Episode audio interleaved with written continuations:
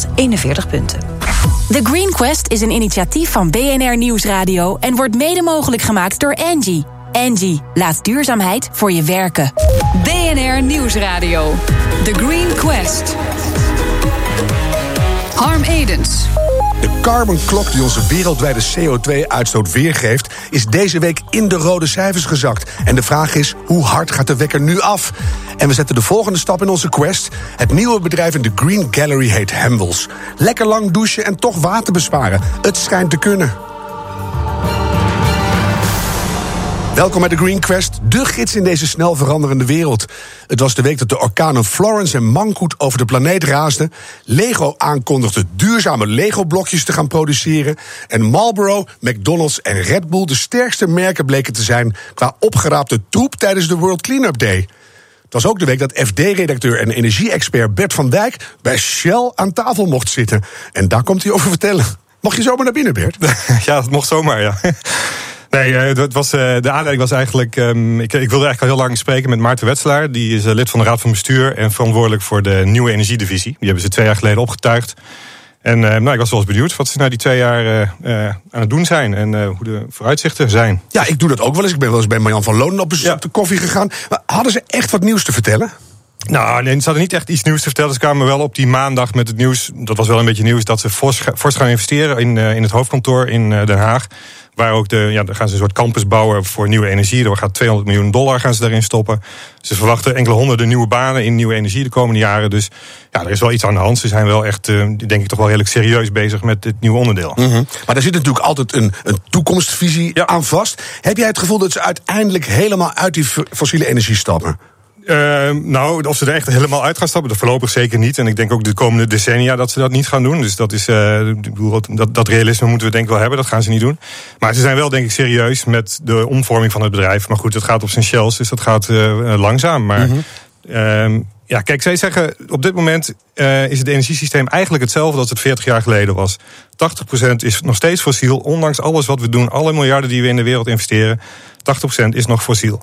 Maar, zeggen ze, de komende jaren gaat het wel veranderen. Er is nu wel echt iets aan de hand in de wereld. En die 20%, wat nu dus elektriciteit is, dat gaat heel snel stijgen. En Shell denkt zelfs verdrievoudigen naar misschien wel 60%. Dus, en zij zeggen, wij zijn een energiebedrijf en wij willen wel de grootste zijn in als energiebedrijf. Dus als dat groeit, dan willen we daar ook groeien. Maar je zou moeten zeggen, hé, hey, je moet wel Shell, want anders ben je weg. Ja, dat zeggen natuurlijk heel veel mensen. Maar uh, Shell zegt dan, ja, wij zijn natuurlijk vanuit Nederland, hebben we die gedachte, maar je moet ook meer wereldwijd kijken. De wereldbevolking gaat uh, uh, groeien met nog enkele miljarden. Die mensen gaan niet allemaal op windmolens draaien. En we zien al de komende jaren, als de, ja, de energievraag groeit, die gaat gewoon sneller dan wat de nieuwe energie aan kan. Dus zij zeggen, voorlopig hebben we nog wel wat olie en gas nodig. Maar de carbon klok tikt, ja, Bert van Dijk. Ja, ja, nee, dat, dat is natuurlijk ook het dilemma waar, waar ze in zitten. En daar worstelen ze denk ik ook wel een beetje mee. Maar het is wel Shell, dus daar, ze, ze verdienen het meeste geld nog steeds met olie en gas. Maar toch goed dat je langs geweest bent, want we houden de vinger aan de pols. Zeker. Dank, Bert van Dijk, redacteur van het Financieel Dagblad. En hou ons op de hoogte van alles wat je doet, ja, oké? gaan we doen. Mooi. De Mac MCC, hoe spreken we het uit? Carbon Clock bereikte deze week een kantelpunt. Die klok houdt bij hoeveel CO2 we nog uit kunnen stoten om de opwarming van de aarde onder de anderhalve graden Celsius te houden. En die klok zakte echt, mag je wel zeggen, gierend in de rode cijfers. Dat betekent dat we het anderhalf graden doel alleen nog halen als we vanaf nu actief CO2 uit de lucht gaan vissen. Mijn gast is Hans Dolman, Han Dolman moet ik zeggen, hoogleraar aan de faculteit Science, Earth and Climate van de VU in Amsterdam. Han, zo'n klok is natuurlijk een, heel mooi symbool. Hè? Want iedereen leert klok kijken. Nu leren we carbon klok kijken. Maar kan ik er ook echt op zien hoe laat het is? Uh, ja, je kunt in zeker zien, uh, zien dat het te laat is geweest. Hij is in het rode geschoven. -hmm. uh, je kunt ook zien hoeveel tijd je nog hebt. om een ander doel te halen, die twee graden. Die zitten net boven, hè? Die, die, zitten, nog, die zitten nog boven. Ja, ja. Je, je kunt heel, er zit een heel duidelijk verband tussen de hoeveelheid uitgestoten brandstof, die je allemaal in de loop der jaren hebt uitgestoten, en uh, de temperatuurstijging. Mm -hmm. Dus als wij zoveel zoals we nu hebben uitgestoten, dan zitten we vast aan anderhalve graad. Uh, als we het dus niet uit de atmosfeer halen.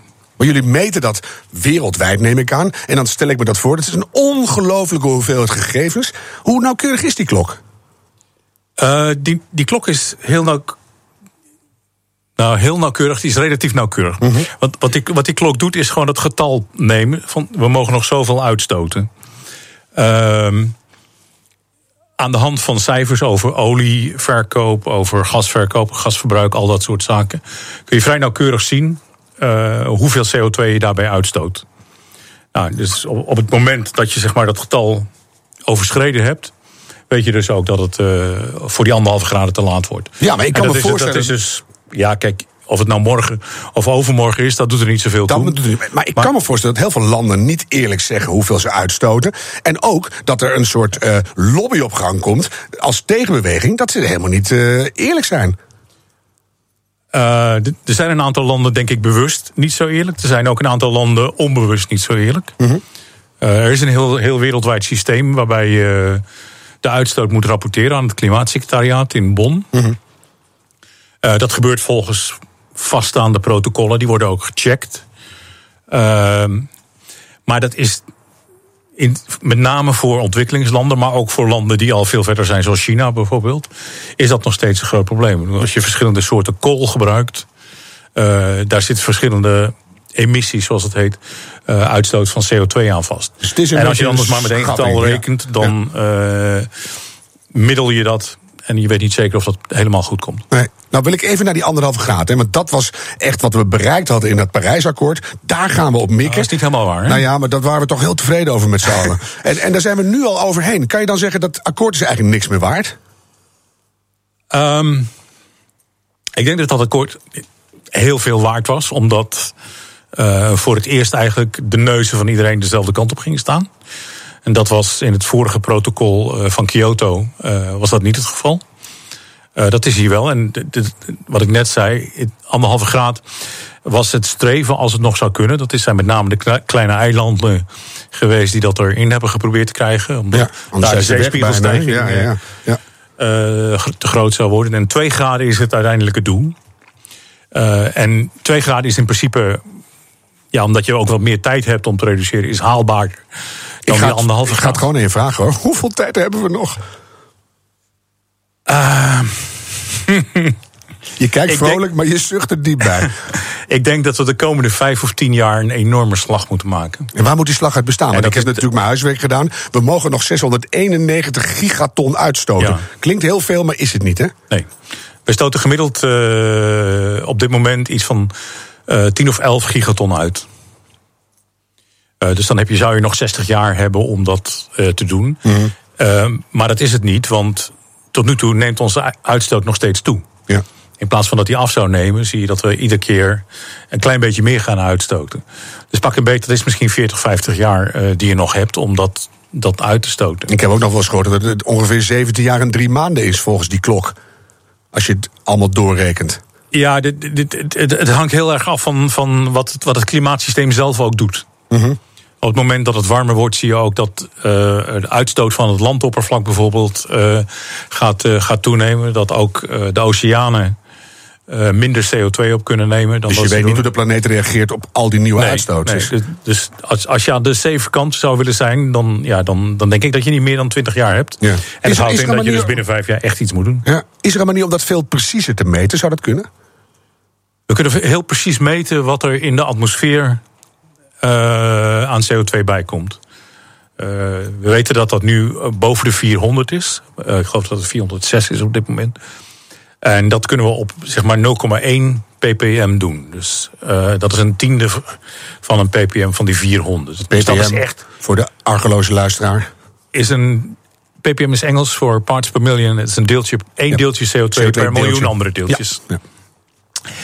En dat is dus heel nauwkeurig als je dat op één tiende mm. kunt, uh, kunt meten. Nou, mixt de atmosfeer heel erg. Dan, nou ja, dat zijn alle windbewegingen die, die er zijn. Dus alles wat we hier uitstoten, kan in Duitsland terechtkomen of omgekeerd. Om nou precies te kunnen terugrekenen waar die uitstoot vandaan komt, heb je hele gedetailleerde transportmodellen nodig, atmosferische modellen, mm -hmm. die een beetje lijken op de weersvoorspellingsmodellen die we hebben. Maar je hebt ook veel meer metingen nodig dan één meting. Dus je moet op een aantal plekken die nauwkeurigheid weten te halen, wil je dat echt goed kunnen rekenen. En hoe gaan jullie dat doen? Nou, daarvoor is in, uh, in een aantal landen in Europa, maar ook in Amerika is een vergelijkbaar systeem. Uh, daar wordt op, op hele hoge masten, bijvoorbeeld televisiezendmasten, wordt apparatuur geplaatst waar je de CO2-concentraties mee kunt meten. Maar ook de concentraties van uh, methaan. Wat minst net zo erg is als niet 50 erger. keer zo erg ongeveer. Ja, ja. En N2O, wat nog eens 200 keer zo erg is. Dus de echte, zeg maar de, de klassieke drie broeikasgassen, die kun je op die manier meten. Mhm. En uh, tegelijkertijd worden er op een aantal plekken ook uh, zogenaamde fluxmetingen gedaan. Waarbij je heel nauwkeurig kunt bepalen hoeveel er nou precies in het landschap gaat en uit het landschap komt. Nou, als je die dingen allemaal koppelt, en met nadruk koppelen. Uh, de, aan één type meting heb je niets eigenlijk. Maar je Ja. moet echt al die metingen bij elkaar stoppen. En een model voor je interpretaties.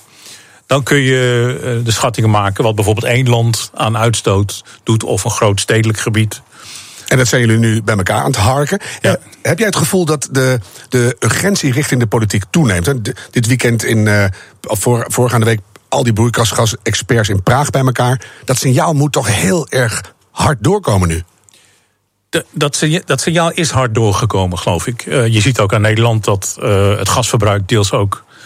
Uh, of het, de, de, de gaswinning in Groningen deels ook gestopt is met het argument van. dan doen we ook aan, aan klimaatreductie. je kunt Ja. daar je vraagtekens bij zetten hoe. Wat het relatieve belang van die twee afwegingen was. Maar oké. Het was meer aardbevingreductie, dacht ik. Maar goed. Dat was het ook. Maar d- het argument werd gebruikt in ieder geval. Zeker. En wat je de laatste, de laatste jaren ziet, nu het economisch beter gaat, is dat er meer aandacht voor het milieu is. Heb jij hoop? Gaan we het halen? Ehm, ja, ik heb hoop, anders stond ik hier niet. Het enige Ehm, juiste antwoord. of we het gaan halen, Het moet. ik hoop het inderdaad. moet. Het moet gewoon, ja. Het moet gewoon. Ik ga je enorm bedanken en blijf onderzoeken en blijf ons bestoken met harde cijfers. Han Dolman, hoogleraar aan de faculteit Aardwetenschappen van de VU. Je luistert naar de Green Quest, de zoektocht naar de meest gedurfde innovaties die Nederland gaan helpen aan een duurzamere toekomst. Na de reclame hoor je de waterbesparingsoplossing van Hemmels. Lekker luxe douchen, maar minder waterverbruik. BNR Nieuwsradio. The Green Quest. Welkom terug bij de Green Quest. Uit alle aanmeldingen kiest ons Green Team de bedrijven die volgens hen het verschil kunnen maken in de verduurzaming van Nederland. Die bedrijven nodig ik hier uit. En in juni hebben we een winnaar en die krijgt de Green Quest Award. Het volgende bedrijf in de Green Gallery wordt geïntroduceerd door Hugo Reitsma. We should be more careful with our water, but at the same time, we love a long hot shower. By caring for every drop of water, the Hamwell Z shower offers the most spectacular wellness in its most sustainable form. Care for water and wellness.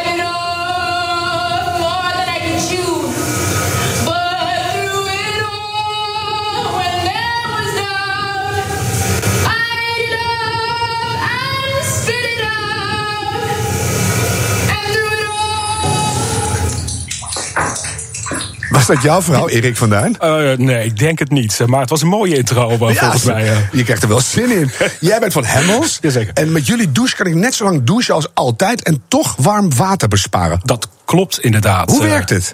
Ja, ons systeem werkt doordat wij eh, water heel kortstondig eh, circuleren. En daardoor bespaar je heel veel water, eh, maar vooral heel veel energie. En kan ook je infrastructuur in je huis een heel stuk kleiner worden. Ja, want ik begreep dat jullie eh, normaal go- gooien er 15 liter water Ja. per minuut doorheen. En jullie mixen af en toe een beetje schoon water bij. Ja, zeker, dat klopt. Dus het is, ehm, eh, wij mixen continu heet water bij.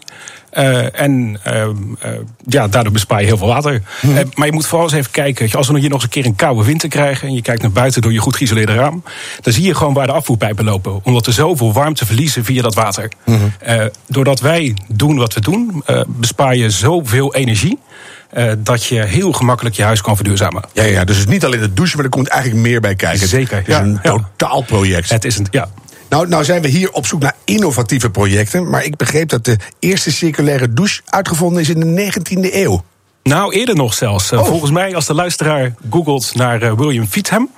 die is er een mooie plaats op het internet. Die woonde in een hunebed. Nou, Of- in 1776, uh, een meneer in een houten tobbe... met een fietspomp uh, die het water omhoog pompte. En was dat toch de inspiratiebron of helemaal niet? Nou, het, het- ja, een beetje, een beetje, ja.